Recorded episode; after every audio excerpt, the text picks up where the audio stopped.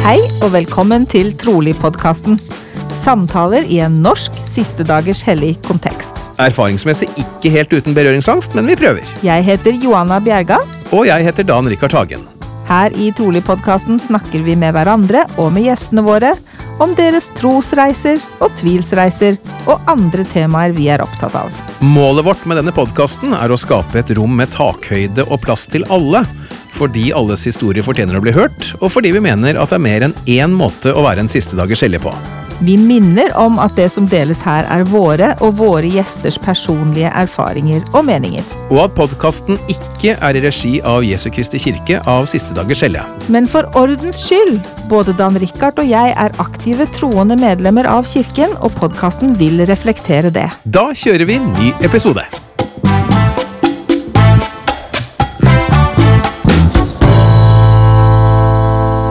Da er det endelig på tide å ønske velkommen til enda en utgave av Trolig-podkasten. Og vi setter over til Stavanger. Johanna, hvordan går det? Det går fint, og det er så deilig å være tilbake. Har savnet å være i studio, har savnet å snakke med gode mennesker og høre den blide stemmen din, Dan Rikard. takk skal du ha, og jeg er helt enig med deg.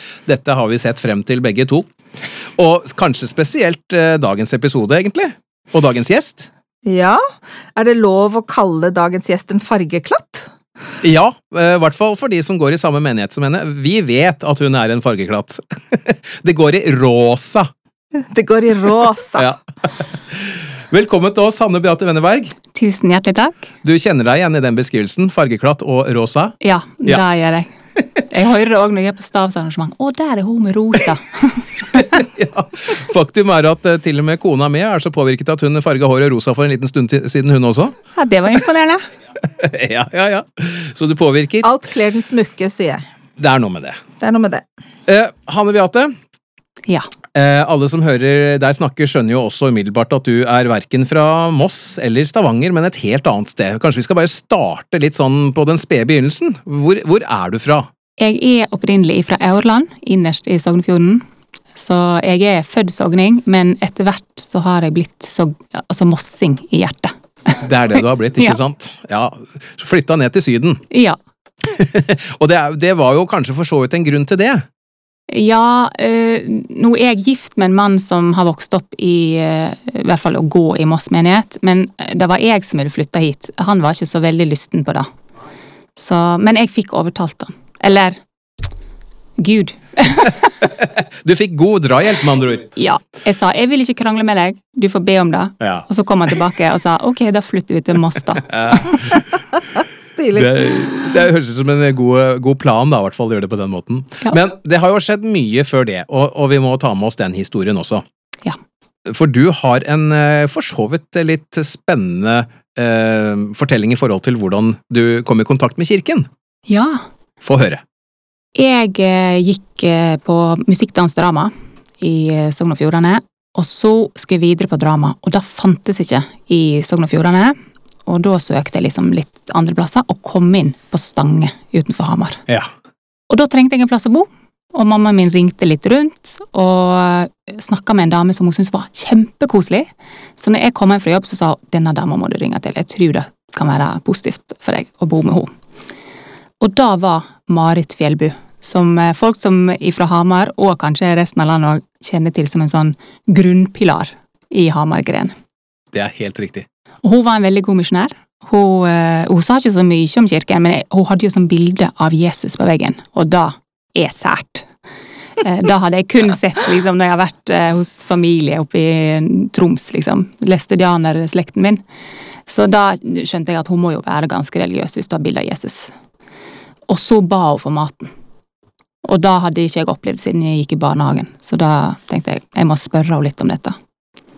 Og det gjorde jeg, og da sa hun litt om kirken. Så sa hun jeg er ikke så flink til å formidle det, men jeg har noen venner som er veldig flinke til det. Det er liksom jobben deres. Kanskje du vil snakke med dem? Ja, ja, sa jeg, vet du. Og så uh, rulla det på derifra. Ja. Wow. Hvor gammel var du da? Da var jeg 17 år. Eh, 17 år. Og da hadde vi ikke misjonærer på Hamar, faktisk. Eh, Det hadde ikke vært noen mennesker å undervise på mange, mange år. Så misjonspresidenten hadde tatt eh, misjonærene ut, og Marit hadde snakka mye med misjonspresidenten om at dette går jo ikke, vi, kan, vi får jo ikke noe, og, noen å undervise når vi ikke har misjonærer. Og da hadde han til slutt sagt at hvis du skaffer meg noen å undervise, så skal du få misjonærer. Ja, Og du sier ikke det til Marit uten at det skjer noe? Nei. Hun er en, hva var, er, tror jeg fortsatt, en, med et arbeidsjern, altså. Så når jeg gikk opp da, etter at eh, jeg hadde sagt ja da jeg kunne snakke med disse vennene, så ringte hun til misjonspresidenten og sa nå har jeg noen å undervise. Nå trenger jeg misjonærer. Og det fikk hun. Da fikk hun, altså da, Det er jo gjerne sånn at en misjonspresident har jo ikke misjonærer bare eh, liksom slentrende rundt som han kan uh, sjøfle på, men han har jo noen assistenter. Så de sendte assistentene opp, og skulle vel kanskje liksom sjekke om dette var om dette var brukende. Og ikke vet jeg, det må være ånden, altså, for jeg gjorde ikke noe bra førsteinntrykk overhodet. Men de dro tilbake og sa ja, hun må vi undervise. She's like a golden. Og for å bare hjelpe enkelte som kanskje ikke umiddelbart har kjensel på navnet Marit Fjellbu, så er det kanskje flere som vil gjenkjenne navnet når vi sier at det er da mor til Gullaug eh, Pedersen, som eh, er jo er avdød, men gift, gift med Stein Pedersen, da. Mm. Da er det kanskje mange som eh, vet hvem vi snakker om. En pilar, som du sier, i Hamar Gren, eh, uten tvil. Så, så du ble altså medlem i Hamar Gren, du da? Ja. Mm. Og der var det vel ikke kanskje så veldig mange du da møtte på din egen alder, vil jeg tro? Nei, nå hadde de nettopp flytta en familie fra Drammen, eh, så, så var ikke, jeg var ikke helt alene. Men det, gjennomsnittsalderen var godt over 60, Ja. det kan jeg si. Ikke så veldig annerledes fra da jeg selv var, eh, gikk i samme gren, Ja. for å si det sånn. Og det morsomme er jo at det var vel stort sett de samme personene som var der da som da jeg gikk der. Da tror jeg nok at det var. Så hvor lenge, hvor lenge var du der? Der var jeg i to år. Mm, Men det gikk jo da Det gikk fem måneder fra jeg begynte å snakke med misjonærene, til jeg eh, tok imot invitasjon til dåp. Ok. Så det var, for meg var veldig heftig altså Jeg syns jeg var så ung til å skulle ta et sånt valg. Mm. Eh, og jeg husker den dagen som de inviterte meg til dåp, så satt jeg og så ut på en busk. Dette var i januar, så det var ikke noe løv på den eh, busken. Så så jeg på disse greinene, så tenkte jeg hvis jeg, hvis jeg svarer ja nå, så kommer jeg til å forandre min grein. Mine, mine barn og mine barnebarn vil ha et annet liv hvis jeg velger å bli medlem av kirken nå. For hvis jeg velger dette, så gjør jeg det 100 det, jeg, jeg kan ikke bare gjøre det sånn wishy-washy. Det må- Ordentlig. så, så det føltes veldig alvorlig å skulle ta et sånt valg. Og det er det jo. Ja. Og så var jeg veldig, jeg var veldig forvirra, fordi misjonærene drev alltid og snakka om ånden. Føler du ånden? Vi føler ånden. Nå er ånden. Liksom. Og jeg trodde jeg skulle føle noe jeg ikke hadde følt før. Så når jeg endelig oppdaget det, og da var den samme dagen som de inviterte meg til dåp, da var misjonspresidenten på besøk på Hamar og holdt en tale, og da skjønte jeg mens han talte, og jeg husker ikke hva han talte om, men jeg husker at jeg følte ånden så sterkt at jeg skjønte at å ja, det er dette som er ånden. Ah. Og da skjønte jeg dette har jo jeg følt mange ganger før. Mm. Dette har jeg følt mange ganger i oppveksten min, jeg har følt det når jeg gikk til konfirmasjon i statskirken. Jeg har følt ånden, for den vitner om sannhet. Så når jeg har hørt sannhet, så har jeg følt denne følelsen. Mm. Så da falt det litt på plass. Ja, for det er jo ikke noe eksklusivt det i Jesu Kristi kirke at man kan følge ånden. Nei, overhodet ikke. Uh, og eh, så reiste du på misjon ganske kort tid etterpå, gjorde du ikke det? Jo, når jeg var gammel nok, Oi. så gjorde jeg det. Ja. Det visste ikke jeg. Har du vært på misjon, Anne Beate? Hvor da? Jeg har vært på misjon i Leeds, England Leeds-misjon. Ok. Så da er vel en av de høydepunktene i mitt liv. Altså, jeg, jeg fryda meg på misjon. Eh, Men så ble jeg veldig syk, så den ble ikke så lang som jeg hadde håpa. Jeg ble eh, Jeg har kanskje vært litt dårlig på sånn grensesetting, og da var jeg òg som misjonær. Så når jeg ble litt syk, så tenkte jeg må bare jobbe litt hardere. Så vil himmelske Fader velsigne meg, så blir jeg frisk. Men eh, det jeg har lært, er jo at når kroppen sier fra, så bør man høre etter første gangen. Mm, ikke sant? Akkurat sånn som vi sier til små barn. Høre etter første gangen. Og hva var det som skjedde da? Uh, ja, suksessivt så endte jeg opp uh, med Jeg vet ikke om det var lungebetennelse, jeg husker ikke helt, men jeg hosta iallfall blod. Oi. Da ble vi liksom da mista vi jo proslutteringstid og liksom ble jeg veldig syk. Og så hadde vi mye å gjøre. Vi hadde mange å undervise, vi hadde folk til dåp. Så jeg følte liksom ikke at jeg hadde anledning til å slappe av. Eh, Så vi holdt allikevel et forholdsvis høyt tempo. Og så på 17. mai, eh, da hadde jeg vært ute siden slutten av januar, så oppdaget jeg et utslett på kragebeinet. Og skjønte med en gang hva det var for noe, for jeg hadde hatt det før. At det var helvetesild. Oi sann. Eh, dro til legen, og hun var litt sånn usikker. bare sånn, nei, det, du er jo så ung, så sier jeg, men jeg, jeg har hatt det før, så jeg vet hva det er for noe. Ja, nei, hun ville ikke gi noe sånn antivirusmedisin. Og så gikk det bare et par dager, og så begynte jeg å kaste opp, og var veldig svimmel, falt over ende, jeg klarte ikke å holde balansen og sånn. Og etter eh, et par måneder så fikk jeg da eh, diagnosen encefalitt, hjernebetennelse. Oi. Så da var jeg, gikk det to dager, så var jeg på flyet hjem. Eh, Jeg ble ikke avløst som misjonær, jeg var fortsatt misjonær, men jeg skulle være hjemme til det jeg klarte å gå uten stokk og sånn, da. Det, Det gikk så langt, ja. ja. Så da kom jeg hjem i rullestol, som var jo et sjokk for min familie. De hadde sendt ut en, eh, en frisk uh, ung kvinne, så det var vanskelig for dem. Mm. Men jeg var hjemme i ti uker. Klarte å gå uten stokk, klarte å kle på meg, klarte å vaske håret mitt sjøl, og liksom klarte meg sjøl, så da dro jeg tilbake. Men så gikk det bare åtte dager, så ble jeg innlagt på sykehus. Var bevisstløs, inne og ute av bevisstløs, eh, eller bevissthet i tre døgn. Forblei på misjon et par måneder til, men eh, til slutt da i februar så tok misjonspresidenten kontakt og sa at kanskje vi skal be om det er riktig at du er her. Mm. Det var en forferdelig sorg for meg. Ja, det skjønner jeg jo veldig godt. På en annen side sett så var det vel bra at man Jeg på å si ja, Misforstå meg rett, men kom til fornuft. For det jo Dette var jo ikke liv laga med, med, med den sykdommen. Nei, og det var en prøvelse for mine ledsagere, helt uten tvil. Altså, jeg sov jo i perioder 16 timer i døgnet og var fryktelig dårlig. Eh, Og jeg hadde på begynnelsen av misjonen min bedt om å lære ydmykhet og tålmodighet. Og når du trenger hjelp til å vaske håret ditt, og sitter der naken og ledsageren din er nødt til å vaske håret ditt, da, kjenner du på ydmykhet. Det var ikke helt sånn jeg tenkte jeg skulle lære. Nei, vær forsiktig for hva man ber om, ikke sant? Ja. Ja. Oi, ja. Um, jeg, jeg tenker litt grann, Du sa det var et sjokk for familien din når du kom hjem i rullestol. Hvordan, hvordan hadde familien din egentlig reagert på det at du ble medlem av kirken og at du skulle ut på misjon? Det var ikke noe høydere hos eh, mine foreldre. Det må jeg vel være ærlig å si.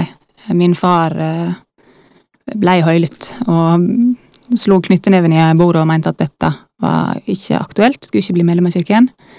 Mamma min gråt og sa hvis du venter i fem år, hvis du fortsatt følger om fem år, så, så kan du gjøre det. Men fem år etterpå så var jeg på misjon, så jeg venta ikke. Nei. Mm. Men det var sårt. Og så er det noe med at du Jeg var jo bare 17 år, så selv om jeg hadde bodd hjemmefra fra jeg begynte på videregående, det er jo vanlig når du bor på Vestlandet i ei lita bygd, det er, ikke, det er ikke lett å pendle til videregående for alle, så er du fortsatt mamma og pappa, og så velger barnet ditt noe annet. Noe du ikke kjenner til. Det var, pappa min hadde jo kun et forhold til eh, mormonere i eh, cowboyfilmer, liksom. Så ja, det var ikke bare positivt, da. Mm. Så det, det tok noen år før det var ålreit.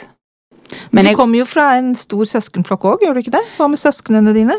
jeg har en storesøster og en lillesøster. eh, og det var nok verst for min storesøster som bodde i, i London på den tiden. Sånn at hun var på en måte ikke deltak, deltakende i prosessen. Mhm. Og da Ja. Det var litt, litt sånn vi hadde søndagsskolelekse om Saul i dag, og at folk ble så overraska over at han drev og profeterte. Hæ? Saul? Liksom. Og sånn var det nok litt òg, hvis noen liksom skulle sagt på ungdomsskolen eller første året på videregående hvem tror du blir religiøs det neste året? Så var det ingen som hadde tatt pengene sine på meg. det kan jeg love, altså. Så, Men, men det bringer meg da til neste spørsmål, for hva var det som For det er jo ikke vanlig at en 17-åring eh, egentlig går og er interessert i religionen i utgangspunktet. I hvert fall ikke så vidt jeg har sett. Så hva, hva tror du var årsaken til at du i så ung alder fatta interesse? jeg hadde vært interessert i religion og Bibelen. Jeg hadde lest Bibelen som barn. Eh, Så jeg var ikke sånn uinteressert, Men jeg var uinteressert i å bli religiøs, hvis du skjønner. Mm, mm. Men jeg vil veldig gjerne lære. Jeg er veldig sånn vitebegjærlig. Jeg vil lære hele tiden. Så når misjonærene kom til meg første gangen og sa ja, du kan lese denne boken, så kan du lese noen skriftsted, så skal vi komme tilbake og svare på spørsmål, så sa jeg trenger ikke ringe meg, jeg ringer deg hvis det er noe, liksom, men det går bra. Men jeg ville veldig gjerne lære. Så jeg hadde ingen planer om å Ok, Det var ren nysgjerrighet på et litt annet plan enn eh, som du sier, og, og dette her vil jeg finne ut av. ja, ja, ja, jeg hadde ikke noe interesse av å finne ut om dette var sant eller ikke. Nei. Jeg skulle bare, jeg skulle belære lære. jeg. Ja. Så skjedde det plutselig noe på veien, da. Ja, det gjorde Ja, det. ja, ja. Og godt er det, si. Tusen takk. Ja. og så, ja, så måtte du altså avbryte misjonen med en alvorlig sykdom. Og, og hva skjedde så? Jo, eh, da kom jeg hjem, eh, ble avløst, og den kvelden jeg ble avløst, da møtte jeg en kar. Som heter Christian. På den tidspunktet het han Christian Svendsen. Og, eh, og han hadde jeg kjent før jeg dro på misjon. Men overhodet ikke interessert i han, og han var overhodet ikke interessert i meg. Og så skjedde det noe den dagen jeg skulle reise hjem fra misjon. Da, da gråt jo jeg mine modige tårer. Jeg syntes det var forferdelig at jeg skulle hjem. Og så sa misjonspresidenten er det noe du kan glede deg til når du kommer hjem. Er det, er det noe lyspunkt som du tenker dette får jeg bli med på nå når jeg kommer hjem? Og da var det, for jeg hadde ei god venninne som skulle gifte seg. Så tenkte jeg ok, men da bryllupet i april, da, da er noe jeg kan glede meg til. Og da sa han bare fix your eye on that, sa han. Mm. Det all, da er det eneste du skal konsentrere deg om. Og så var det hun venninna mi som eh, tok meg med på instituttet, og så ble jeg avløst den kvelden. Og som sagt, da møtte jeg Christian. Ja. Og han happened to be bestevennen til brudgommen. Så da eh, var det at vi måtte liksom ha litt kontakt der, i forbindelse med dette bryllupet. Og eh, jeg fikk lov til å sette opp sammen med eh, far til bruden, Stein Pedersen, da. Eh, dette bordoppsettingen. Da. Snakker vi om Mina? Vi snakker om Mina! Ja. Er det sant? ja. Åh, dette er så gøy. All these pieces coming together. Ja. Jeg digger det. Ja, elsker det. Mm, keep going. Jeg, sa, jeg fikk lov til å sette opp dette bordsettingen da, sammen med Stein. Og da plasserte jeg meg selv ved siden av eh, Christian, ytterst på bordet, hovedbordet. Og så plasserte jeg brudgommens bestemor, som hørte veldig veldig dårlig ved siden av Christian på den andre siden. For jeg tenkte da kan vi iallfall bli litt kjent. Uten å bli avbrutt òg. Ja, og det funka veldig bra. For etter seks måneder så var det vi som giftes. Så det funket. Det gjorde jammen meg det.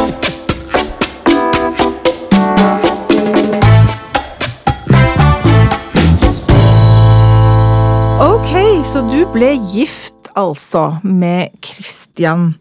Og så begynte en ny fase i livet, og alt gikk ikke nødvendigvis helt på skinner, har jeg skjønt. Nei, det er jo gjerne sånn at man begynner å snakke om å få barn, og vi åpna ganske tidlig for å, å få barn, og ble gravide med en gang. Og trodde jo at nå, nå skal vi bli foreldre. Og så mista vi. Og det gjentok seg tre ganger. Og det var en voldsom sorg for meg. Og det var òg i en periode der jeg ikke hadde kall. Sånn jeg følte liksom at jeg, jeg er ikke brukende til noen ting. Jeg, jeg følte sånn jeg svikta på alle, alle punkt, liksom. Uh, uh, vi hadde nettopp flytta til Oslo, så det tok litt tid før jeg fikk kall. Og jeg, jeg følte bare at jeg, jeg, trengs, jeg trengs inget sted. Jeg får ikke til det. Kroppen min får ikke til det jeg, jeg burde få til. Det, det er lett å komme inn i en sånn litt sånn ond spiral, da. Så vi ble sendt til sykehus for eh, utredning for det som kalles habitual abort. Men der fikk vi se en liten eh, nyrebønne, så det ut som, på 11 millimeter, og et bankende hjerte. Oi. Og det er han gutten vår som nå er 17 år. Det er Edvard. Da er min Edvard. Nei, Ok, så tre spontanaborter, og så utredning, og så var du faktisk gravid blitt. Ja. Mm. Eh, apropos det med spontanabort, eh, det har jo også vi opplevd. eh, og, og, og det som slo meg i den perioden, var at det var noe jeg ikke kjente noe særlig til. Og så viser det seg at om, altså det, nå i ettertid, da, når vi begynte å snakke om det, så viser det seg at dette er noe nesten alle har en eller annen ganske nær kjennskap til. Ja. Var det litt sånn for deg også, at det, det, det opplevdes kanskje som litt tabu der og da? ja, jeg følte meg så utrolig aleine. Mm. Eh, men jeg var jo ikke det. Nei. Og, og jeg skjønte ikke hvorfor jeg skulle oppleve dette. her. Det, var, det var bare et veldig, veldig mørkt kapittel. Eh, og så prøvde jeg å være Man lærer jo liksom å, nei, man skal ikke si at man blir gravid, man skal liksom vente til tolv uker. Og da kjente jeg på, når jeg måtte ringe til mammaen min og si mamma, jeg har vært gravid, men jeg er det ikke lenger. Mm. Da bestemte jeg meg neste gang neste gang jeg får en positiv test, så skal jeg si det med en gang. For jeg trenger noen som kan glede seg med meg, men jeg trenger òg noen der som kan sørge med meg hvis dette ikke går. Ikke sant. Så da bestemte vi oss at hvis vi blir gravide igjen, så skal vi si det til de aller nærmeste med en gang, for vi, vi trenger det nettverket. da. Mm. Det kan ikke bare være oss to som vet om det. For det, er, det føles så ensomt. Veldig, veldig ensomt. Mm. Og så kom Edvard, Ja, og så kom det jo en til òg. ja det kom en til. Ja. Det er fem år imellom dem. Eh, Jeg var jo da fortsatt veldig, veldig syk. Jeg hadde fått eh, postviralt utmattelsessyndrom. Diagnosen den fikk jeg allerede mens jeg og Kristian var forlova. Eh, og når du er veldig utmatta, så er det å bære fram barn og føde, det er kanskje ikke tilrådelig. Men vi ønsket oss, og vi hadde bedt om det, og vi følte at det var riktig. Så Men det, det tok eh, tid før jeg turte å bli gravid igjen. Jeg hadde òg en fødselsdepresjon etter første fødselen, så, så vi var veldig skeptiske, og vi ba og fasta om vi skulle få flere barn. Eh, For det var en periode der vi tenkte at ok, men vi har, vi har vært heldige. Vi har fått et barn, vi, vi kan glede oss over dette. Eh, Men så følte jeg så innmari sterkt at vi skulle få et barn til. Så da var jeg litt sånn, ok, men vi kan faste og be, og så, og så bare gjør vi det vi får beskjed om. Mm. Eh, og da husker jeg vi knelte ned, og var vi på middag hos bestemoren til Kristian. Så knelte vi ned inne på rommet hennes før middagen, og, og jeg følte så innmari sterkt at vi skal få et barn i 2010. Dette var i 2007. Og min mann, han kjente ingenting. Nei, nei jeg kjenner ingenting, sa han. Men han var bare veldig redd, og det skjønner jeg. Når du har sett eh, det mennesket du elsker, eh, gå gjennom så mye vondt, med fødselsskade, fødselsdepresjon eh, liksom det, det var vondt, da. Så da på en måte skulle se eventuelt eh, det mennesket du elsker, gå gjennom det en gang til, det, er klart at det er skremmende. Mm. Kan du si noe om den fødselsdepresjonen? Hvordan eh, er det, liksom? Altså, det er jo alt etter alt eh, hvem du er og Ja. ja, hvilken, hvilken opplevelse du sjøl har. Men for meg så opplevde jeg bare Det var veldig mange som hadde sagt du kommer bare til å skjønne barnet. Du kommer til, og gråt betyr forskjellige ting, du skjønner det. Og det gjorde ikke jeg. Mm. Eh, jeg visste intellektuelt at jeg var glad i dette barnet, men jeg klarte ikke å kjenne det. Um, så det, det ble veldig sånn rutine. Han må ha mat så ofte, han må ha rene klær, han må liksom Men det tok lang tid før jeg kunne kjenne med hjertet, det jeg visste med sinnet mitt, at jeg elsker dette barnet overalt på jord. Og ikke sant, dette var jo et høyt ønsket og veldig planlagt eh, barn på alle vis. Eh, Var, eh, hvor lang tid tok det før du forsto at dette var en fødselsdepresjon, og ikke bare at du ikke, ikke egnet deg som mamma? På eh, tremånederskontrollen så sa jeg ifra på helsestasjonen, men jeg husker når vi var på barsel, så kom det en jordmor til oss og informerte om fødselsdepresjon. Så jeg Det kan være jeg bare innbiller meg, men jeg tror jeg viste tegn allerede da. Men som sagt, på tremånederskontrollen så sa jeg ifra på helsestasjonen, og var da frisk når han var 18 måneder. Så det tok tid. Mm. Hva slags, eh, ja, hva slags behandling fikk du? Da var, jeg valgte kun samtaleterapi. Mm -hmm. Men det var en prosess for meg. Det var òg en prosess i forhold til egen barndom.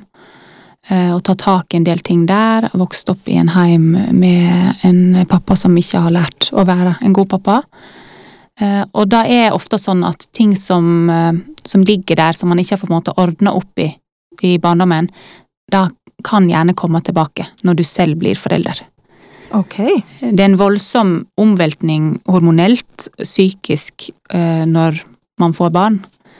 Og det er ikke uvanlig at eh, ting som har vært vanskelig, men som ikke er tatt tak i, Mm. plutselig kommer til overflaten. Ok. Og det legger litt lokk på dine følelser, eller i hvert fall det som skjedde her, da, ikke sant? Som du sier, du visste intellektuelt du var glad i barnet, men du bare klarte ikke å kjenne det. Ja. Du hadde ikke kontakt med de følelsene. Nei. Mm. Hva ville du sagt hvis det er noen som sitter og hører på nå, som lurer på om de kanskje er deprimert i forbindelse med en fødsel. For jeg, jeg, jeg har, en, har en følelse av at det er veldig skambelagt også. Altså, ikke sant, du skal liksom Ja, En fødsel skal jo være det største liksom, og flotteste. Du, ja, ikke sant? du skal bare være glad, sant? og så hvis du ikke føler noen ting, så, så føles det som et nederlag. Altså, hva ville, du, hva ville du sagt til en nybakt mor som kanskje sliter? Snakk med noen. Det er ikke uvanlig, men det er det som er utfordringen. Vi snakker ikke om det, og da blir det tabu, og så føler man seg så aleine, og man har denne ideen om at når du blir mor, da skal du bare være så lykkelig, og du skal være på en sånn rosa sky, og helt ærlig, jeg trodde folk løy, jeg, når folk snakka om at jeg var så lykkelig når jeg fikk barn. Jeg tenkte, du bare lyver. Du bare sier det fordi at eh, du tror at det er det verden forventer at du skal si. Eh, men jeg har skjønt i ettertid at man kan oppleve rosa sky. Eh, så jeg skjønner at ikke alle lyver om det. Men det å snakke om det, fortelle det til noen, det gjelder all type depresjon. Ikke holde det inni deg, fordi det er, litt, det er litt som et sånt troll som sprekker når det kommer ut solen. Det er klart, det blir ikke borte bare fordi du snakker om det. Men det å bære det alene, det trenger vi ikke gjøre, og det blir så mye tyngre. Mm. Så bare det å dele det med noen. Jeg valgte å dele det med helsestasjonen, fordi jeg tenkte det er de som er den instansen som er mest kontakt med meg i denne perioden her. Eh, men det trenger ikke være det hvis ikke du stoler på det, men det må være noen som du stoler på, som du tenker at dette er et menneske som kan ivareta meg. Mm. Men det er vel kanskje sånn også at når det dreier seg om depresjon, så, så, så er, det, er, det, vel kanskje eh, profesjonell hjelp man trenger, eller? Ja, ofte så er det det, men noen ganger så er det nok å bare begynne å snakke om det. Så får man på en måte i gang den der snøballen, og den ruller. For min del så var det sånn at jeg hadde gjort store deler av den prosessen på egen hånd før jeg kom til på DPS. Men, hvordan um, gjorde du det, holdt jeg på å si? Eh, jeg, jeg, gikk til helsestasjonen igjen, da var vel barnet blitt over et år, og da ja, var kanskje blitt nærmere 14-15 måneder. Og da sa jeg at nå må jeg ha hjelp. Mm. Altså nå, eh, nå, trenger jeg desperat hjelp. Mm. De må hjelpe meg. Eh, vi må snakke med barnevernet. Og når barnevernet kommer inn og ringer til DPS og sier vi har en mamma som trenger hjelp, da får du hjelp på dagen. Mm. Så for meg så hjalp det. Ja. Vi fikk òg forresten barnehageplass på dagen når barnevernet ble involvert. Så ja, det å be om hjelp, det er På mange måter så ser man liksom litt sånn ned på Nei, jeg trenger hjelp. Men det å klare å be om hjelp, det er å være ressurssterk. Mm. Det å skjønne at jeg har ikke de ressursene akkurat nå sjøl, men det er andre som har det. Hvor kan jeg gå og finne det? Mm. Og få hjelp. Og ikke være redd for å få hjelp. Det er som de sier, det er de sterkeste som uh, søker hjelp. Mm. Ja, og de sterkeste, da ser man, de sterkeste, de har en flokk. De, de har en, en, flokk som hjelper seg, for du klarer ikke å alene. Vi er ikke kommet til denne jorden som enkeltindivid, på en måte. Mm. Vi, vi, er satt her i familiekonstellasjoner, vi velger oss en flokk i livet. Og da velger en flokk som, eh, som er der for deg, som støtter deg, som, eh, som have your back, det er innmari viktig. Nei, du nevnte også en, um, en fødselsskade. Sånn utenom fødselsdepresjon så skjedde det andre ting, altså med kroppen din, rett og slett? Ja. ja. Og det er òg noe av grunnen til at jeg valgte sexologistudier seinere. Fordi jeg opplevde en fødselsskade som for de som kan uh, faglingoen, så sitter jeg på en 3B-rift. Uh, eh, det betyr at bare veldig liten del av muskulaturen i anal var intakt. Og mange syns at det er helt forferdelig å høre at man snakker om det, og syns at det er veldig flaut. I den rollen jeg har, så syns ikke jeg det. Uh, det er ikke uvanlig. Det er heldigvis mindre vanlig nå, fordi man har lært seg teknikker innen fødselshjelp som gjør at eh, kvinner opplever mindre av den type fødselsskader i Norge. Men, men det var veldig krevende fysisk. Og en, enda en gang så tenker jeg at det er òg gjerne en ting som man kanskje ikke tør å snakke noe særlig om, og som er litt, som er litt skambelagt. Men uh, hvordan fikk du hjelp med det? På Oslo-sykehusene på den tiden så var det sånn at når du hadde en så uh, kraftig skade, så ble du automatisk satt inn i et system der du fikk hjelp. Du fikk oppfølging, man skulle ha oppfølging sju måneder etterpå, man skal sjekkes hele tiden. Og det er òg sånn at den type skader får man ikke lov til å Du får ikke lov til å sy da hvis du er turnuslege, for eksempel. det Da er det kun overlegen som får lov til å sy. Det, det er en del sånn sikkerhetstiltak da, som man har satt inn for å, å påse at det blir tatt vare på på best mulig måte, og at det følges opp. Eh, Men dette var i forbindelse med fødsel nummer én? Ja. Ja, så det er det jo kanskje ikke så rart at det gikk fem år før dere fikk nestemann. Nei, det var behov for en del bearbeiding før vi turte Ja, det skjønner jeg. Jeg, jeg vet at du, du satt i rullestol en periode. Når var det? Eh, Det var i denne perioden fra 2007 til 2013, så det var i den perioden eh, der vi fikk andremann.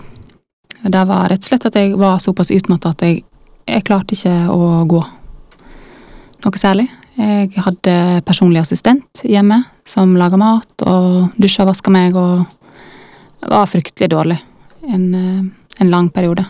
Men er det sånn at dette er over nå, holdt jeg på å si, eller er dette noe du kan få igjen, eller hvordan fungerer det der egentlig? Altså, jeg lever jo med eh, diagnosen postviralt utmattelsessyndrom. Jeg har en rest eh, på en 30-40% så jeg er jo ikke frisk. Nei. Men når du har vært der at eh, du var avhengig av andre mennesker for eh, personlig hygiene, så er livet mitt nå sinnssykt bra. Ja, ikke sant? Men, men hva betyr det for deg nå? Betyr det at du må være forsiktig? Altså, Du må ikke pushe deg, da? Er det det det går på? Mm, jeg må være forsiktig. Eh, Det er jo gjerne sånn, vi har jo et system i Norge der man tenker at et menneske skal kunne jobbe liksom 40 timer i uka, og det er norm. Og så er det ikke alle som er der. Noen av oss har ikke den kapasiteten. Eh, Det er klart, nå har jeg eh, en diagnose som jeg på en måte kan si ja, dette er grunnen, men, eh, men det er ikke alle som har det. det. Og det er vondt å ikke på en måte passe inn i det systemet eller den forventningen som samfunnet har til en. Ja, den ser jeg. Så øh, denne Ja, du nevnte jo så vidt at denne fødselsskaden var, øh, var det som på en måte gjorde at du bestemte deg for å ta en sexologutdanning. Kan du fortelle oss litt mer om det? Ja, da å på en måte komme tilbake igjen for min egen del, da. Komme tilbake igjen til eh, å være et seksuelt vesen etter den fødselsskaden. Da opplevde jeg som helt traumatisk, rett og slett. Så jeg, jeg følte jeg måtte lære mest mulig. Så jeg leste alt jeg kom over, og prøvde liksom å forberede meg og, og lære så mye jeg kunne. Men, unnskyld at jeg avbryter deg, men når du sier at det var traumatisk, tenker du da psykisk? Ja. Ja, ok. Bare psykisk? Jeg ville tenkt at det var fysisk også. Ja, men For deg var det mest en psykisk ting? Ja. Jeg var rett og slett bare livredd. Mm. Og så oppdaget jeg jo etterpå, når man kom sammen med venninner og sånn, at oi, denne kunnskapen her, den, den bør egentlig alle ha. Dette bør jo alle som har vært gjennom en fødsel, eh, vite. Fordi uavhengig om man har opplevd en skade eller ikke, så er det mye usikkerhet i forhold til sin egen kropp etter å ha båret fram barn og etter fødsel. Så da tenkte jeg hm, her burde man gjøre noe. Så var jo jeg i min egen verden, fikk, fikk et barn til, og liksom jeg hadde mer enn nok med mitt eget liv. Ja. Men når uh, familielivet begynte å stabilisere seg, og jeg følte liksom at nå har jeg litt grann, uh, hodet over vannskorpa, så tenkte jeg at dette, dette burde jeg kanskje jobbe med. Kanskje jeg burde ta en utdannelse innen dette. Så da begynte jeg først på Universitetet i Oslo, på, tok noe enkeltfag i psykologi.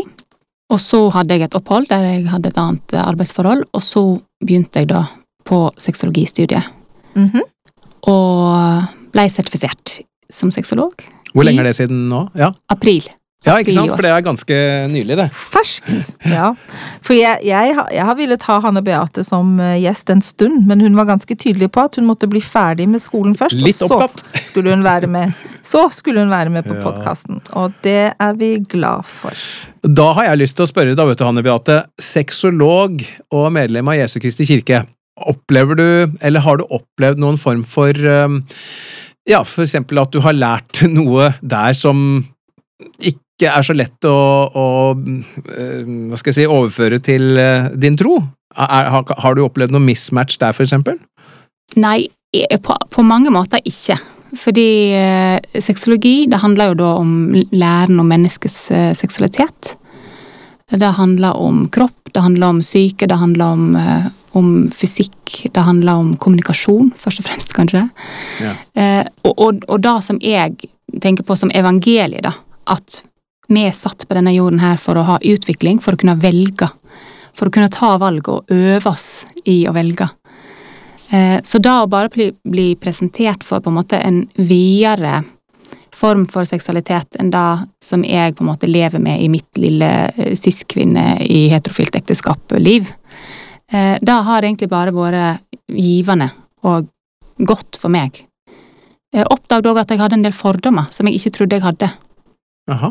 Eh, Så, og fordommer er jo for så vidt en positiv ting eh, på mange måter, fordi vi trenger en sånn bias, eh, sånne snarveier i hjernen som gjør at vi ikke trenger å ta alle, alle situasjoner som vi kommer opp i hver dag, helt åpent. Mm. Vi trenger å ha sånne små snarveier som sier at når dette skjer, så gjør du sånn, og dette, dette betyr dette. Men noen ganger så kan vi ha fordommer som gjør at vi sårer andre mennesker, Mm. og vi kan ha holdninger som øh, som gjør at vi òg blir begrensa i eget liv. Eh, og de fordommene er lurt å luke ut. Men for å få til det, så må du bli presentert med noe som er på en måte annerledes enn deg sjøl. Og så må du være villig til å kjenne på det ubehaget. Kjenne etter på det ubehaget. Hva, hva er det dette betyr? Hvorfor føler jeg sånn? Hva er det dette kommer av? Hva er det, hva er det som gjør det vondt? Eller hva, hva er det jeg er redd for? Og være villig å ta den jobben, da. Og det, er, det kan være ubehagelig. Men ubehag er ikke farlig. Nei, ubehag er ikke farlig. Og, men hvordan jobber du som sexolog? Hva er det sexologer egentlig gjør? Det er veldig bredt. Eh, Noen jobber kun med forskning. eh, Noen jobber på eh, helsestasjoner for ungdom. Noen jobber med undervisning. Jeg jobber med undervisning, og så jobber jeg òg med klientarbeid. Der folk tar kontakt med meg og søker da hjelp, enten eh, sexologisk eh, eh, rådgivning, eller at det er type parterapi, samlivsterapi, relasjonsterapi. da. Ok, så det også inngår i, i uh, sexolog, altså parterapi Ja, i tradisjonell forstand, da, for å si det sånn. Ja, noen eh, gjør det begge deler, noen gjør det bare det ene. Mm.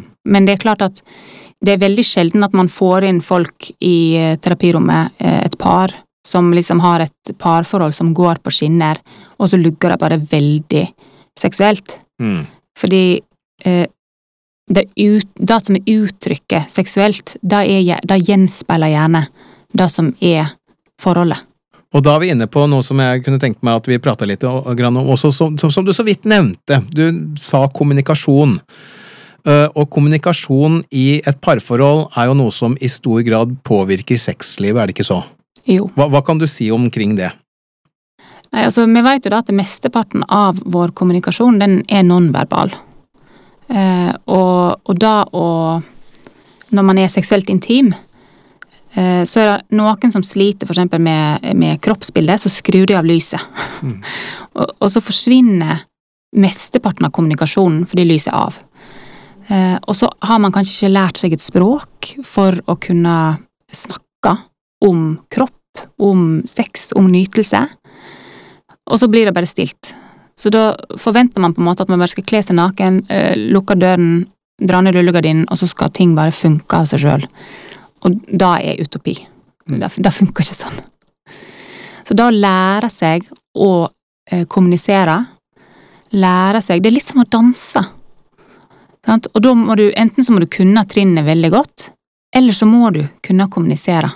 At nå vil jeg gjøre dette, dette føles bra, dette er vanskelig, dette vil jeg ikke, her går grensene mine. Det er, jeg, jeg sammenligner det ofte med en dans. Det, alle som er glad i å danse vet at det, det tar en del trening, og så er det noe med å bli innmari godt kjent med sin, e, sin egen kropp og sin egen ferdighet, men òg den, den partneren man har valgt. Du nevnte eh, kroppslig selvbilde, og det kan jeg jo uh, lett se for meg kan være vanskelig for mange med, med det som man blir presentert for når det gjelder eh, kanskje spesielt kvinnekroppen i, i samfunnet i dag, Ja, og det er jo det du sikter til. Ja, altså, det gjelder ikke bare, uh, bare kvinnekropp. Uh, hos menn, og spesielt pornografi, har liksom hjulpet oss til at Det, det er noen kroppsideal som er veldig vanskelig å nå, Mm. og som er på en måte urealistiske. Og det gjelder både kvinner og menn. Eh, Men det er klart at da vi lever i et sånn seksualisert samfunn, der kropp, vi blir eksponert for kropp hele tiden, og de kroppene vi blir eksponert for, de er ikke, det er ikke kropper med strekkmerker og, og valker og, og, og som Mm. Det som er kalle- helt naturlig. det som er naturlig. Det er gjerne veldig retusjerte, lysete kropper, hårfrie. Selv liksom når du skal selge en, en barberhøvel, så er det en hårfri kvinne som sitter og barberer leggene sine. Altså det, det er så utopisk at eh, det er lett å føle at men jeg er, jeg er ikke sånn. Mm. Og når vi nå vet nå at eh, det er mange som velger på, allerede på grunnskolen å ikke dusje, for eksempel, sammen med andre, fordi at de ikke vil vise kropp, men da ser du heller ikke andres kro- kropper. Nei, det er sant. Eh, Så man får på en måte ikke en sånn realitetsorientering om at vet du hva, det er dette som er normalt. Dette er normen. Variasjon er normen. Som jeg pleier å si, det unormale er normalt. Ja. Men, men det er den ene siden, men eh, så har du den andre siden òg, da. Som du sier, du, vi er jo et eh, samfunn preget av, som du sier, både pornografi og ellers et kroppslig syn som ikke ligner noen ting, egentlig. Så det kan jo også kanskje være et problem motsatt vei også, muligens, for en mann som da har en kone som kanskje ikke svarer til det som øh, han kanskje ser for seg eller ønsker på grunn av øh, alt det man blir presentert for. Og det kan jo være også veldig sårt for øh, ikke minst han også. Skjønner du? Altså at det kan skape kanskje en seksuell problemstilling, det også, som blir veldig vanskelig å snakke om, da. Ja. Ja, og det er klart at eh, vi kan ikke unngå å bli påvirka av medier. eh, uavhengig av hvilke medier vi snakker om. Eh, og det, man blir påvirka av å se disse kroppene. Men, eh, og det, jeg tror det er veldig lurt, de som prøver for, for det første å begrense litt. Grann. Eh, jobber med algoritmen, da. På sosiale medier, eksempel. Passer på at ok, men jeg, jeg trykker ikke på dette, fordi det er ikke bra for meg. Eh, og da å elske et menneske, det handler ikke om kropp. Jeg spør veldig ofte når jeg har kvinner inne som ikke er glad i kroppen sin, så spør jeg ofte har du sett gamle bilder av deg selv som du tenker 'oi, så fin jeg var da'. Og de aller fleste har gjort det. Og så spør jeg 'var du glad i kroppen din da'? Nei, det var jeg ikke. Morsomt at du sier det. Jeg holder akkurat på å lese en bok som heter You Are Not a Before Picture. Mhm. Og som handler nettopp om det, at uh, vi svømmer i et sånn forkvaklet vann av uh, Altså, vi er så Ja, som du sier, det går ikke an å ikke bli påvirket av uh, medier og av stemmene rundt oss som prøver å fortelle oss at vi skal se ut på en bestemt måte. Men til og med det går jo i faser og i moter og i Det er jo ikke statisk. Sant? Altså, det, det som var populært ett tiår, liksom at alle skulle være helt flate, flatbrystede og ha og se veldig atletiske ut, og så skal de plutselig være veldig formfulle, men med bitte liten midje, og så skal de være atletiske, og så skal de Ikke sant? Altså, det er Det går jo ikke an for noen å å nærme seg noe ikke sant? Altså bare Selve ordet kroppsideal blir jo helt sånn tøysete, for som du sa Ja, Det er jo- og, og oppi alt det der så skal de føde barn òg. Ja, for eksempel. Ikke sant? Og, og, og at vi skal liksom på død og liv prøve å se ut som 18-åringer hele livet, det, det, det går jo ikke. Så hvordan, hvordan jobber du med, med kvinner, og menn for så vidt, som ikke er venner med sitt eget eh, kroppsbilde? Det er igjen dette med kommunikasjon, men da handler det om den indre dialogen som man har med seg sjøl. Hvordan man snakker til seg sjøl, både når man ser seg selv i speilet, eller når man blir presentert for andre kropper. Hva, slags dialog er det som foregår inne i hodet vårt? Eh, For der er det en, en dialog, og det er veldig mange som ikke er greie med seg sjøl. Og ting de sier til seg sjøl, ville de aldri funnet på å sagt, verken til sin mamma, til sin søster, til sin datter, eh, altså til sin venninne. Helt utelukka å si noe sånt. Men på en eller annen måte så har de kommet til det punktet at det er greit å snakke sånn til seg sjøl. Så det handler rett og slett om å forandre måten man snakker til seg sjøl, Fordi i forhold til det, når jeg tar disse bildene, da, så handler ikke om du er glad i kroppen din eller ikke, hvordan kroppen din ser ut. Det handler om hva du sier til deg sjøl. Det handler om hvordan du forholder deg til din egen kropp. Fordi hvis ikke du var fornøyd med den kroppen som du ser på nå i ettertid og sier wow, så du var utrolig vakker, skjønner ikke hvorfor jeg var misfornøyd da? Nei, men det betyr at det har ingenting å si hvordan kroppen ser ut. Det har noe å si med om du er snill med deg sjøl eller ikke. Så finnes det en del sånne øvelser som man kan gjøre, sånne fysiske øvelser som man kan gjøre, som jeg gjerne gir til, til de som, som trenger det. Med andre ord, det er mulig å få hjelp, Oh yes. Og det, og det er jo kjempebra. sant, det går an å bli venn med kroppen sin. Ja. Men det er kanskje sånn da, når man er inne på tematikken seksualitet, at det er kanskje noen sånne tabuområder som ikke burde være tabuområder, da.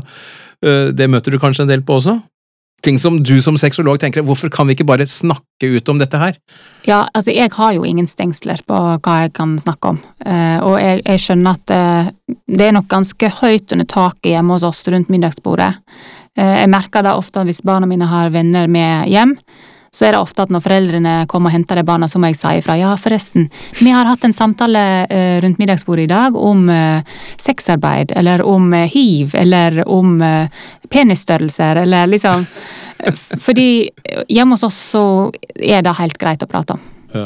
Eh, og så vet jeg at det, ofte så kan det komme spørsmål da, senere, så jeg bare gir en liten sånn heads up til foreldrene at just so you know. det kan være det kommer noen spørsmål om det. Og forresten, jeg er sexolog. ja. ja. Men akkurat dette med tabu er jo litt spennende, fordi mange som kommer til meg sier sånn Ja, men eh, jeg eh, Nei, jeg har ikke snakka med fastlegen om det. Og så tenker jeg ok, men, men da trenger du. det er på en måte, Man skjønner at det er greit å snakke om dette med en sexolog, men eh, en, en del problemstillinger som blir presentert til meg, så sier jeg du må først gå til fastlegen. Eksempel hvis man kommer til meg med ereksjonssvikt, eh, og at dette hadde vært et vedvarende problem over litt tid, så, så må jeg alltid henvise du må gå til fastlegen din. For det kan være et, et tidlig tegn på type hjerte- og karsykdom, diabetes. Det er gjerne en av de første tegnene som kommer på den, den type sykdom, fordi at de bitte små blodårene som, som fører eh, blod til eh, genitalene, ikke fungerer. Så man må alltid gå til fastlegen hvis det er smerte, hvis det er liksom ereksjonssvikt eller sånn. Men så er det klart at det er mange ting jeg kan hjelpe med. Veldig mange trenger bare å snakke, og da var jo en av mine ønsker når jeg tok denne utdannelsen, var at jeg har lyst til å være med og skape rom der folk tør å snakke om dette. Og da merker jeg jo nå at selv om jeg ikke er på jobb, om jeg bare er en plass i en sosial setting, eller sånn, så, så skaper jeg, bare ved å ha den jobben og være meg, så har jeg skapt et rom. For hvis folk vet om det, så blir det plutselig naturlig å snakke om det. Men du har skapt flere rom, du, Anne Beate. du er jo relativt aktivt på Instagram som sexolog Vennerberg. Ja, det er jeg. Ja. Um, merker du og og det, Jeg følger deg, jeg har fulgt deg en stund, og jeg syns du er både underholdende og informativ og um, virker varm og klok og, og tilnærmelig, går det an å si det? Ja. Uh, uh, merker du at eh, du bidrar til å senke terskelen for å ta kontakt om, om den type problematikk, da? Ja, det gjør jeg. Eh, når jeg starta opp den eh, Det var liksom en gang jeg kom inn på skolen, så starta jeg den eh, kontoen. Og da tenkte jeg at eh, dette er bare en plass der jeg kan informere. Eh, og så oppdaga jeg jo at folk tar kontakt, og det er folk som ikke følger meg, og som aldri legger igjen tydelige spor, men som allikevel har kontakt med meg. Fordi de, de, de opplever at det er, et- det er et trygt sted, da. Eh, nå skal det være sagt at jeg oppfordrer ingen til å dele noe ting eh, sensitivt i eh, sosiale medier, heller ikke i backchannel eller på DM.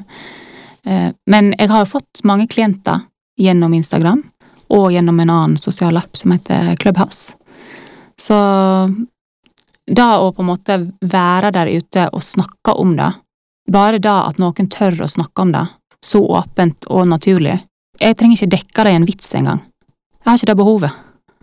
Det skaper rom. kan vi snakke litt om eh, kombinasjonen uh, unge kvinneleder, for eksempel, som du jo har vært. Uh, er dette noe du får brukt? Er det noe du uh, har bestemt deg for skal være en del av håper å si, Ung kvinners program? Nå var jo ikke jeg begynt på studiet når jeg hadde eh, det kallet, men jeg husker det første presidentskapsmøtet vi hadde, eh, når jeg først ble kalt. Så sa jeg at jeg vil at jentene våre skal høre om samliv og seksuell intimitet, ikke bare den gangen når vi snakker om kyskhusloven og eventuelt brudd på kyskhusloven. De må høre at eh, samliv og seksuell nytelse da er noe som er positivt. Vi må, vi må snakke det opp. Eh, for nå jobber jo jeg mye, kanskje 50% av klientene mine er innenfor en eller annen type religiøs eh, tilknytning. Og veldig mange sliter med det at det har bare vært en sånn negativ kommunikasjon rundt det, og et sånt vedvarende tabu. Så man hører om det de to gangene i året. Man hører om, eh, om brudd på kystgodsloven eventuelt, eller eh, tilsvarende seksualnormer i andre kirkesamfunn. Og da, da, var jeg veldig tydelig på at da vil jeg ikke. De, de, må høre at det er noe som er positivt, at det er noe som er litt flaut, noe som er litt kleint og litt morsomt, men bra og skjønt og prisverdig og godt. Eh, og heldigvis så hadde jeg eh, de andre i presidentskapet som sa ja, da, da det syns vi er en god idé. Ja, Så du fikk ikke pushback på det? altså Du fikk gjennomslag for det? Nei. Så bra. Ja, da syns jeg det, jeg hadde fantastisk flotte rådgivere. Så heldige de jentene var. Ja, ja for det, det, er jo unektelig fort gjort, og man har jo hørt litt om det, og at man er jo kanskje ganske opptatt av ja, som du sier, av kyskhetsloven og det som er fy-fy. Og så er det jo ikke alltid så lett da kanskje å komme fra den verden, si du er, eh, dette er det du har lært eh, mest om som ungdom, og så plutselig så er det gift, og ja, nå, vær så god! Mm. Dette blir bra! Nei, nei, nei, nei, nei. ja! ja, ikke sant? det er en ganske brå overgang. Det er jo det. Ja. Men hvordan tenker du at man best mulig lærer bort dette omkring seksualitet, men man skal vel likevel på en måte prøve å bevare de grensene som, eh, som vi mener bør være der, da? Når jeg snakker med folk som er i kirken vår, så pleier jeg å sammenligne det med tempelet. At uh, vi er nødt til å forberedes. For at tempelopplevelsen skal bli en god opplevelse, så må vi forberedes. Mm. Og det er så masse vi kan si. Og så er vi litt redde, og så vet vi kanskje ikke å, jeg vet ikke helt hva jeg kan si og hva jeg ikke skal si, så lar man bare være. Og da taper alle på. Og hvis man sammenligner det da med seksuell intimitet, så må vi forberedes. Vi må ha kunnskap eh, det funker ikke sånn som Johanna sier, at eh, nei, nei, ja. Altså, den der overgangen, den er for brå. Mm. Man er nødt til å lære om kropp, man må vite hvor ting er. Altså, man skal ikke gifte seg og ikke vite hvor klitoris er, uavhengig av noe mann eller kvinne. Det må man vite. Og det faktum at vi vokser opp i en verden i dag der det er ikke en eneste gutt på ti år som ikke veit hvor penishodet hans er, men det er veldig få jenter på ti år som veit hvor klitorishodet er. Hvorfor skal det være sånn? For det er like bestanddeler. De var like eh, når det var et embryo. Og så utvikla de seg. XY til en penis, XX til en klitoris. Og så har vi et sånt syn på det at fordi at eh, den penisen henger på utsida, så veit alle hva det er for noe. Så lar man være å snakke om det med jenter. Og det jeg ofte sier, man snakker om tissen alt mellom navlen og øvre lår blir snakka om tissen, liksom. Tissen og rumpa. Det er jo veldig upresist. ja, det er jo i grunnen det. vi sier jo ikke det om ansiktet. Vi sier ansikt, ja, og så på et eller annet tidspunkt så lærer vi at noe heter nese, noe heter øye. Så lærer vi at noe heter øyevippe, noe heter nesebor. Eh, noen kanskje kaller underlivet sitt for vagina. Det er strengt tatt bare en bitte liten del av det underlivet. Mm. Det er på en måte som om jeg skulle sagt at eh, ansiktet mitt er neseboret. Nei, det er ikke det. Ikke helt. Nei. Så det er noe med å lære oss bare språk, bare ren anatomi. And words matter. Ja, det gjør det. Virkelig. Det gjelder òg i måten vi underviser i kirken. Det er innmari viktig hva slags ord vi bruker, hva slags vendinger vi bruker. Eh, jeg vet at mine barn har sittet og hatt lekser der mine barn har liksom 'Unnskyld, men det er ikke det som står i håndboken om homofili.' 'Unnskyld, det er ikke det som står i håndboken om abort.' Fordi noen har unyansert presentert noe. så man tenker at ja, men dette mener kirken, og så er det sånn nei, faktisk, det er ikke det som er kirkens doktrine. Her, vi må være, vi må kunne doktrine, vi må kunne håndbok. Jeg elsker håndboken. Kapittel 32 og 38 er mine favorittkapittel. Altså, vi må vite hva som står der, vi må vite hva vi har å forholde oss til. Og så må vi undervise og bruke ord på en sånn måte at folk føler seg elska. Mm. Uavhengig av hvilke eh, valg de tar. Og det var kanskje det viktigste når jeg var Unge kvinner-leder. Det var å hele tiden, jeg tror hver eneste gang jeg underviste, du kan ikke forandre Guds kjærlighet for deg. Du kan ikke forandre din verdi. Den er urokkelig. Eh, så uavhengig av hva du gjør med livet ditt, så forandrer ikke det at du har himmelske foreldre som elsker deg så masse at du ikke forstår det engang. For det er for meg kjærlighet og valg, det er er det evangeliet handler om. Ja. I kirken så snakker vi jo mye om at det på en måte er foreldrenes ansvar, da. eh, Å, å undervise om seksualitet. Men det Jeg tenker i hodet mitt at da er det jo kanskje viktig å undervise foreldrene. Ja, og det elsker jeg å gjøre. Jeg har vært i flere hjelpeforeninger og, og undervist, og har nå en uh, ny, uh, nytt foredrag som jeg skal på, i en menighet. Så det er noe av det som jeg uh, brenner litt for. For én ting er å undervise barn på skole, det er jeg jo med på å gjøre, men det å kunne undervise de voksne. Fordi at det har vært så mye tabu, Mm. så er gjerne den undervisningen som foregår, den er så gammeldags fordi man ikke har prata. Mm. Man har ikke hatt åpne dialoger. Sånn at det er kanskje bestemor sin seksualnorm eller sin seksuallære man viderebringer til barna sine. Mm. Og det er skummelt. For det har jo, ting har det har jo skjedd mye. Ja, det har skjedd mye. Til det bedre. Ja. Ja. Og det kan godt være at man blir litt utålmodig og liksom syns ikke det går fort nok. Eh, men jeg, jeg ser utvikling, og, og da blir jeg glad. Det er utvikling i riktig retning. Kan det være også at eh, man eh, ikke tør å snakke om det som foreldre, da, kanskje gjerne, eh, om seksualitet, fordi man er redd for at da på en måte begynner man å nøre opp under noe som dette skal man jo helst ikke hva skal man si, bruke så mye tid på da, før eh, tiden er rett, hvis du skjønner. Eller at man er redd for å bare gjøre det feil, ikke sant? for å tråkke i salaten og gjøre vondt verre.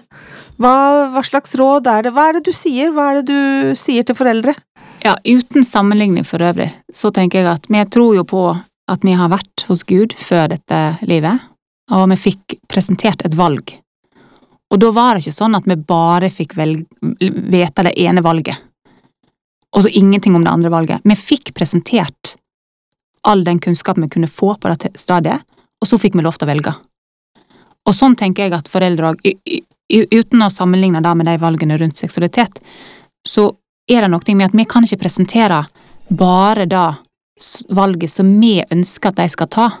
Det er på en måte en form for manipulering. Eh, Og det gir egentlig ikke barna våre en valgmulighet, Mm. hvis de kun blir presentert med et valg. Vi må kunne undervise på en sånn måte at de har reelle valg i sitt liv, og at de tar de valgene og føler at jeg eier dette. For da å etterleve en seksualnorm som du ikke føler at er din, Mm. det er noe som fører til masse skam. Det er noe som fører til eh, både seksuell og psykisk uhelse. Så vi, vi må ikke være så redd for å presentere. Og så er det òg noe med at barn som kan sin anatomi, som er lært opp i grensesetting, som har lært at når jeg setter grenser for egen kropp, og da er vi helt nede på det nivået at vi er i et bursdagsselskap, bestemor sier 'kan jeg få en klem', og så sier du 'gå og gi bestemor en klem'. Men barnet viser helt tydelig hun har ikke lyst til å gi en klem, men du sier 'du må gå og gi bestemor en klem'. Allerede der underviser vi om grenser for egen kropp. For du kan ikke si til barnet ditt 'du bestemmer over egen kropp, men jeg bestemmer når du skal klemme bestemor'. Eller hvis du sier til onkel 'nei, jeg vil ikke ha en klem', da stjeler jeg en klem likevel, og så kommer da, Det er nedbrytende for det som man prøver å bygge opp hos et barn, nemlig at du bestemmer over egen kropp. Så de barna som lærer anatomi, som lærer om grenser, som lærer hva som er greit, hva som ikke er greit, hva som er loven i Norge, de er mindre utsatt for eh, seksuelle overgrep, og hvis de blir utsatt for overgrep, så er terskelen lavere for å fortelle om det. Sånn at det, det er rett og slett Du, du gjør barnet ditt en bjørnetjeneste ved å ikke lære dem om kropp og om grenser. Viktig. Eh, Og veldig mange tror at eh, seksual, seksualitetsundervisning på skolen det er liksom bare pride og sexakt. Det er ikke. Det det går på dette med grenser, kommunikasjon, da å få lov til å vel... ja, Entusiastisk samtykke, vil jeg si. Det er noe jeg jobber litt med. Mm. At eh, da, da å lære Og da tenker jeg òg, når jeg underviser i Oslo-skolen eksempel, så underviser jeg i klasser der jeg har elever som helt tydelig har valgt å vente med sex for ekteskap. Og jeg er av den oppfatning at hvis du er sexpositiv, så må du òg heie på de som har valgt å vente med sex for ekteskap. Det er òg å være sexpositiv. Så da å på en måte bare si ok, men du velger, det er du som skal få lov til å velge. Men da må man bli presentert for valg.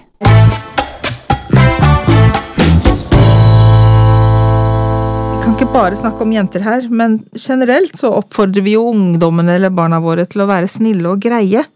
Ikke sant? Og ikke være vanskelige og være medgjørlige og sånn, men, men ja, Du nevnte det jo litt i stad i forbindelse med dette med eksempel at eh, de skal de, vi må la dem velge, og vi må gi dem valg, men vi må også la dem ta avgjørelser. Og, og gjøre dem i, sette dem i stand til, myndiggjøre dem til å faktisk kunne sette grenser, og kunne si nei. Når de, og kunne høre på og kjenne på sine egne følelser og være i kontakt med sine egne følelser. Hvordan gjør vi det? Ja, det var et ord som du sa, og det var medgjørlig, og det er et sånt triggerord for meg. Jeg syns ikke vi skal prøve å oppdra barn som er medgjørlig. Fordi eh, da å Da at du skal på en måte please noen andre, og det kan være både, bare i vanlige vennskap og medmenneskelige relasjoner, men spesielt i seksuelle settinger, så er det å være medgjørlig ikke det som myndiggjør deg. Du må kunne ta egne valg, og du må kunne ta egne avgjørelser. Og det, på engelsk sier man nice og eh, kind. På norsk ville det kanskje kind være snill. Du skal være snill. Men det er forskjell på å være snill og da være bare grei. Altså bare sånn eh, alt er greit. Eh, det er lov til å si nei. Det er lov til å sette grenser. I en bok av dr. Emily Negoski som heter Kom som du er, eh, som jeg tenker burde være obligatorisk lesing for alle før de blir seksuelt aktive, der snakker hun om at alle er født med en seksualitet, og hun bruker bildet av en hage. Og så er det da omsorgspersonene, foreldrene og omsorgspersonene rundt dette barnet, som tar vare på denne hagen, eh, og bestemmer på en måte hva man skal plante i den hagen og ikke. Hvis du underviser barnet på en sånn måte at det påfører skam, så planter du skam i den hagen. Hvis du øh, planter øh, planter som gjør at barnet skal være medgjørlig, altså bare gjøre som hun får beskjed om, gjøre sånn som man får beskjed om, så er det det som er planta i den hagen. Og så etter hvert som barnet kommer inn i, ungdomsårene, så tar det gradvis over den hagen. Hvis ikke du tillater at barnet gradvis overtar den hagen, så blir det en veldig brå overgang da tidspunktet de faktisk får den hagen i egne hender. Og så kan det godt være at det er planta ting i den hagen som du ikke ønsker at skal være der. Og så er du nødt til å ta og rense opp. Og nå er ikke jeg sånn voldsom hageentusiast, da må jeg bare ha på det rene, men den, det bildet er innmari bra. Fordi alle som har anlagt hage, vet at det tar veldig lang tid. Så da å hjelpe barnet vårt plante de tingene i den seksuelle hagen, som gjør at det er en, en sunn og god hage som de kan overta. Og da er ikke det å være medgjørlig, altså det å bare gjøre som du får beskjed om, det er ikke sunt. Det er ikke sunt seksuelt, det er ikke sunt fysisk, det er ikke sunt men mentalt. Da bør vi slutte. Vi skal, ikke ha snille og greie barn. Vi skal ha barn som er snille med seg sjøl, og som er snille med sin omverden, men ikke barn som syns alt er greit fordi de har lært å være medgjørlig. Det er usunt.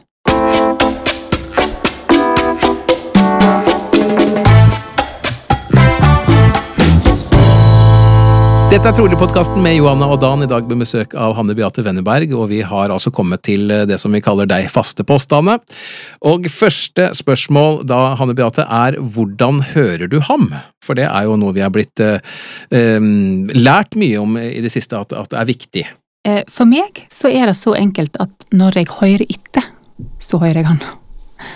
Jeg trenger ikke være på et spesielt sted, jeg trenger ikke gjøre spesielle ting, men jeg trenger å søke å høre han. Eh, Og jeg har opplevd å være eh, som en del av studiet mitt på en swingersklubb og, og høre han.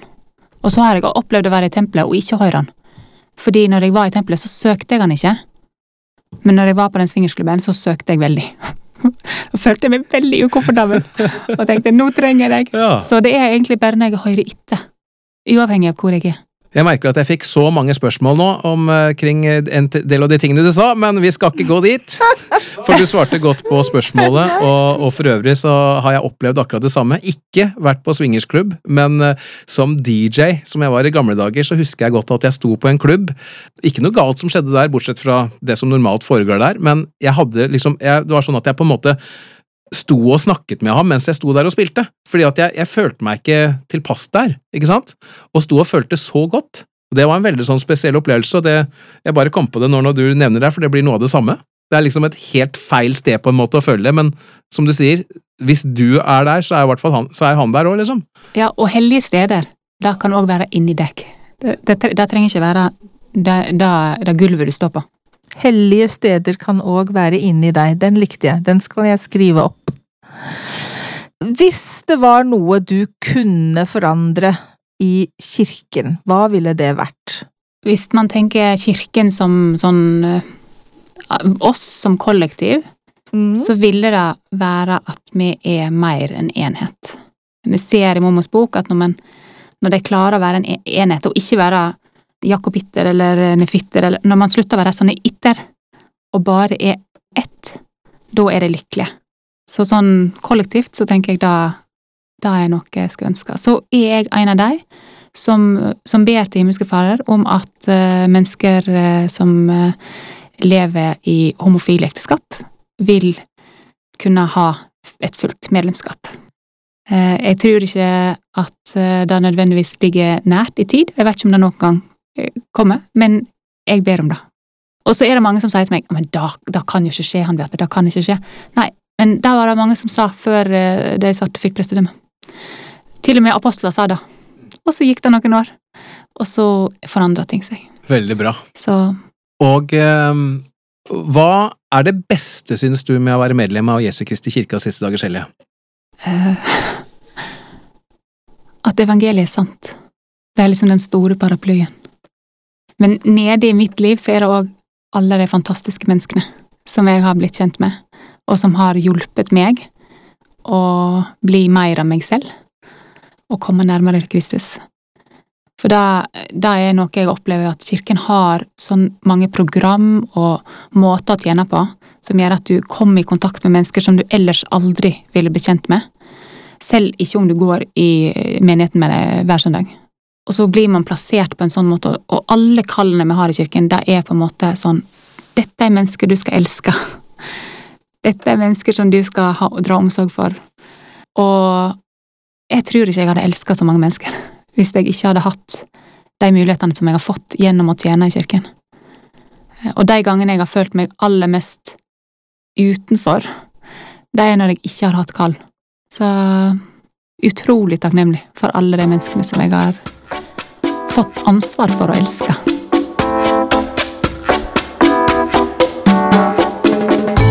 Tusen takk for at du hørte på dagens episode. Vi er snart tilbake med en ny og spennende samtale.